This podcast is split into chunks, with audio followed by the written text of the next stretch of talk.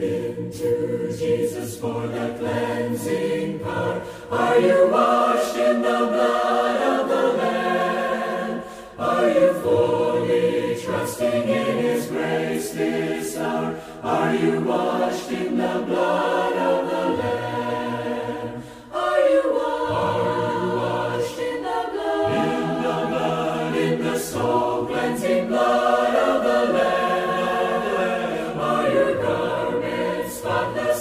White as snow? Are you washed in the blood of the Lamb? Are you walking daily by the Savior's side? Are you washed in the blood of the Lamb? Do you rest each moment in the crucified? Are you washed in the blood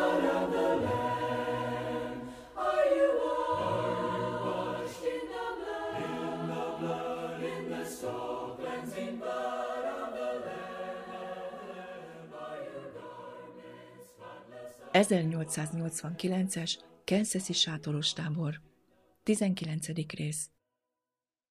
A vallási törvényhozás és Róma. Harmadik fejezet. Folytatom a témát azzal, hogy bemutatom, hogy Konstantin császár csak politikai okokból lett keresztény, de meggyőződéseiben mindig is pogány maradt. Milmantól a Kereszténység című könyvéből idézett, hogy megmutassa, Konstantin külsőleg pogány volt, amíg egyházvezetőnek fogadták, és az Apollónak felállított szobrai azt mutatták, hogy ő a kedvenc istene. 312-ben azt állította, hogy látomása volt a keresztről, és egy szent zászlót emelt el látomás és Krisztus tiszteletére. Emlékeztek, mit mondtam álmáról, Maximinus császárról és a fáróval való összehasonlításáról. Abban az időben Konstantin keresztény állarcot vett magára. De mint Milman mondta, a harcos kereszténységet öltötte fel, és az általa elkövetett barbárságok ugyanarról a pogány szívről árulkodtak. A zászlóra, amit Krisztus tiszteletére emelt, keresztény szimbólumokat kevert saját és családja képeivel, mert a császár képét a rómaiak mindig tisztelték, így a keresztények és a pogányok is imádni tudták őt. Egyik címe a Pontifex Maximus volt. Fiatalkori babonái követték őt, mondta Milman, és a profétai oszlopról szólva elmondta, hogy Konstantin feje hogyan váltotta fel Apolló fejét, majd ezt a kérdést tette fel. Ez pogányság, amely közel áll a kereszténységhez, vagy a pogányságban megromlott kereszténység? Dr. Scaff elmondta, hogy Konstantin, mint egy babonát fogadta el a kereszténységet. Valójában a püspökök féltek attól, hogy keresztségre kényszerítsék, mert attól tartottak, hogy lemond a kereszténységről, és visszatér a pogánysághoz. És féltékeny lesz az egyik pogány filozófusra, Szapateszre, aki Konstantin barátja volt. Szapatesz attól tartott, hogy Konstantin befolyása alá vonja a pogányságot, vádat emel ellene, és gyorsan kivégzik. Halála után senki sem tudta megmondani, hogy keresztény volt, vagy sem. Milman azt mondta, hogy Konstantin nem akart elválni pogány barátjától, míg a keresztények nem akartak túl messzire menni azon erőfeszítéseikben, hogy arra kényszerítsék, hogy hatalmát felhasználja a pogányság felszámolására. Ezért vallották mindig a pogányságot nyíltan, és a birodalom vallásává tették, amely szembeszállt a kereszténységgel. Így halála után mindkét vallás siratta Konstantint.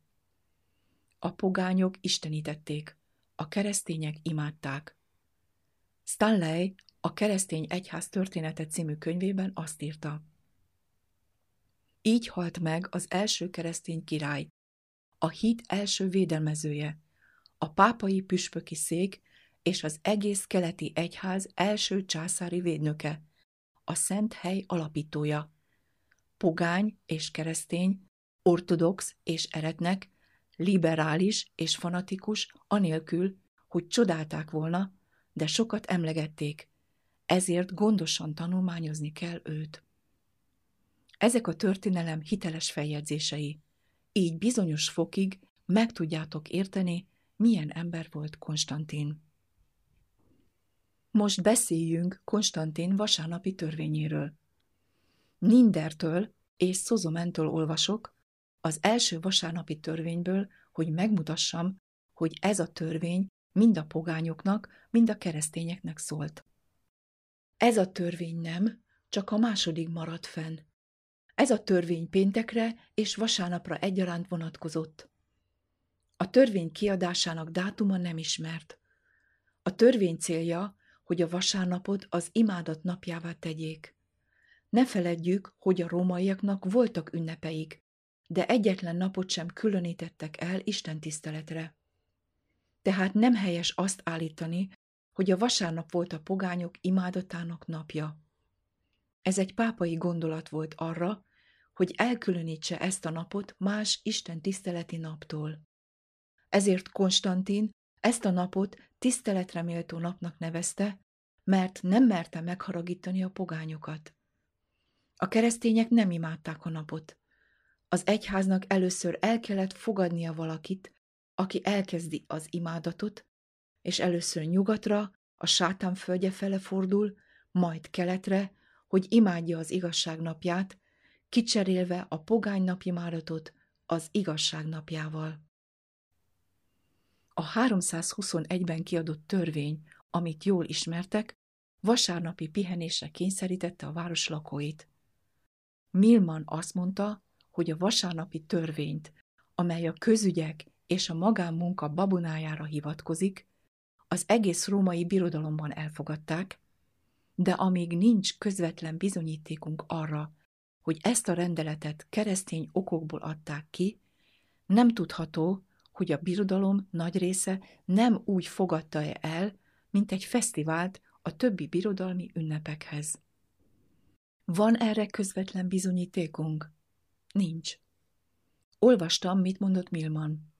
A törvény, amely elrendelte a keresztény szombat megőrzését, nem utal a különleges szent voltára, mint keresztény intézményre. Amikor ezt a vasárnapi törvényt megfogalmazták, magában foglalta az egész római világot, és Konstantin írt egy imát, amit a pogányoknak és a keresztényeknek egyaránt el kellett mondaniuk az isteneiknek, akit imádtak, a katonáknak pedig alakzatban állva kórusban kellett elmondaniuk ugyanazt.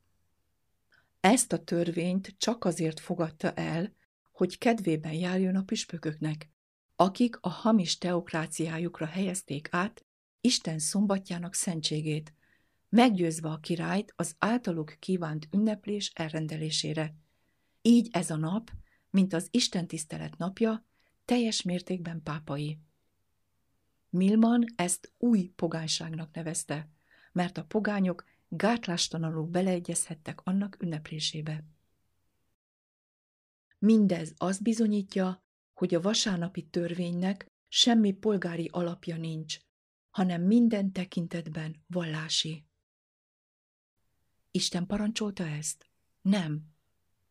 A császár parancsolta ezt? Nem. Az egyházból származott, alapjait a pogányságba rakták le. Nem Isten felelős azért, vagy az állam, vagy más valaki a mennyel vagy a földön. A püspököknek volt szükségük erre az intézményre, hogy teljessé tegyék a teokráciájukat, és arra kényszerítsék az embereket, hogy elképzelésük szerint cselekedjenek. Az akkor élő emberek tudták, hogy ez minden ismert jognak ellene van, és a püspökök is tudták ezt. Az előadó újból Sándortól idézett, hogy megmutassa, hogy az egyházi szokást a zsinati törvény határozta meg, mely szerint minden kereszténynek tartózkodnia kell a vasárnapi munkától. Ezt azonban az államhatalom igénybevételével hatékonyabbá tették a vasárnapi törvény megalkotásával. Ugyanaz a 29. kánon, amely megalapozta ezt a szokást, megátkozta mindazokat, akik megtartották az Úr szombatját. így teljesedett a profécia, miszerint véli, hogy megváltoztatja az időket és a törvényt. Ez akkor történt, amikor a pápaság erőfeszítéseket tett, hogy megváltoztassa Isten törvényét. Bizonyos okokból a püspökök fizettek azért, hogy megszerezzék ezt a vasárnapi törvényt. Nyilvánvaló, hogy az inaktivitásra kényszerített emberek azon a napon inkább vonzottak a cirkuszokhoz és a színházakhoz. A megnövekedett látogatók miatt több alkalmazottra volt szükség, ezért a püspökök a keresztényeket kényszerítették, hogy dolgozzanak ilyen helyen akaratuk ellenére. Manden azt mondta, hogy 326-ban mindenféle munkát betiltottak ünnepnapokon. Így a cirkuszokba és a színházakba járás összekeveredett a templomba járással. És a püspökök azt mondták, hogy az emberek eljönnének a templomba, ha a színházi bemutatók nem lennének vonzóak. Ezért törvényeket követeltek, melyek arra kényszerítik az embereket, hogy tartsák meg a vasárnapot. Az akkor használt érveket ma is használják, szinte szó szerint. És ha hozzáférnénk a patikáni könyvtárhoz, ezt még egyértelműbben lehetne bebizonyítani. A püspökök azt állították, hogy a cirkuszok és a színházak a vasárnapi munkára való kényszerítéssel üldözik a keresztényeket. A püspökök ezt üldözésnek nevezték. Pontosan ugyanezt mondják most is a vasutakkal kapcsolatban. A püspökök kénytelenek voltak megfosztani az embereket szórakozásuktól, hogy amúgy az inaktivitásra kényszerített emberek odaadóak legyenek. Így lesz ez most is. Sőt, helyettesíteniük kellett a szórakozást az odaadással, hogy megvédjék az embereket a pokoltól, és a menny felé vezessék őket.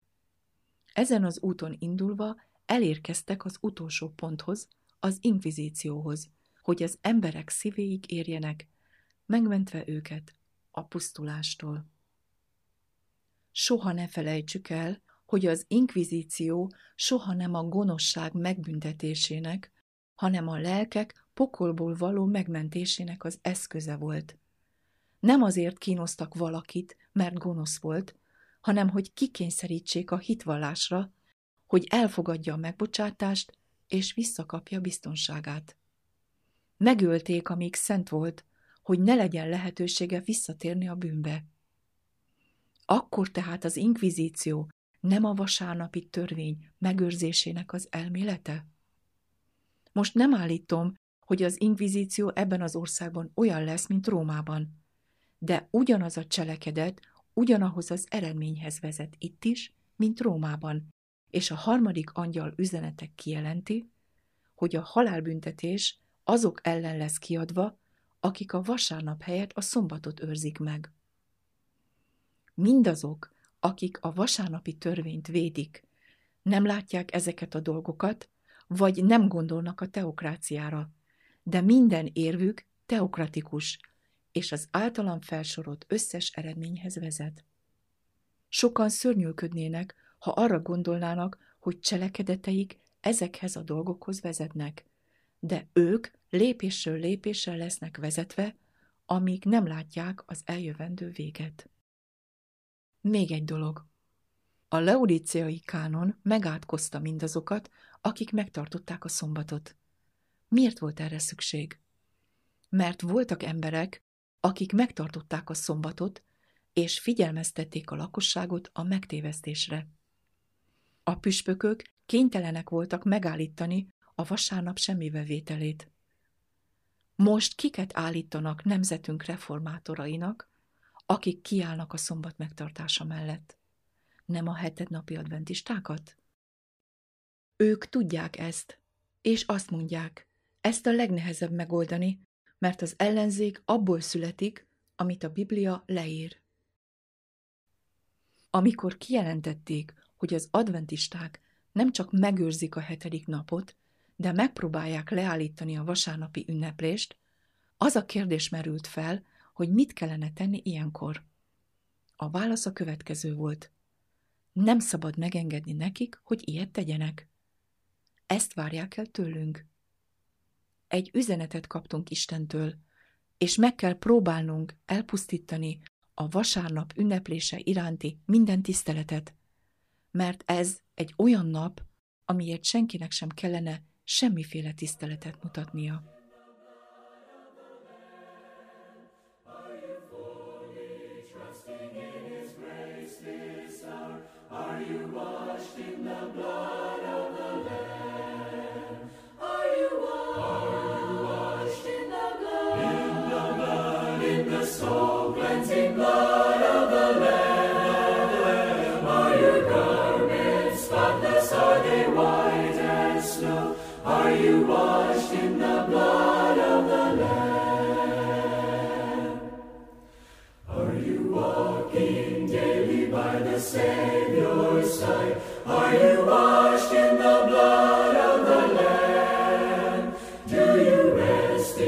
Moment in the crucified? Are you washed in the blood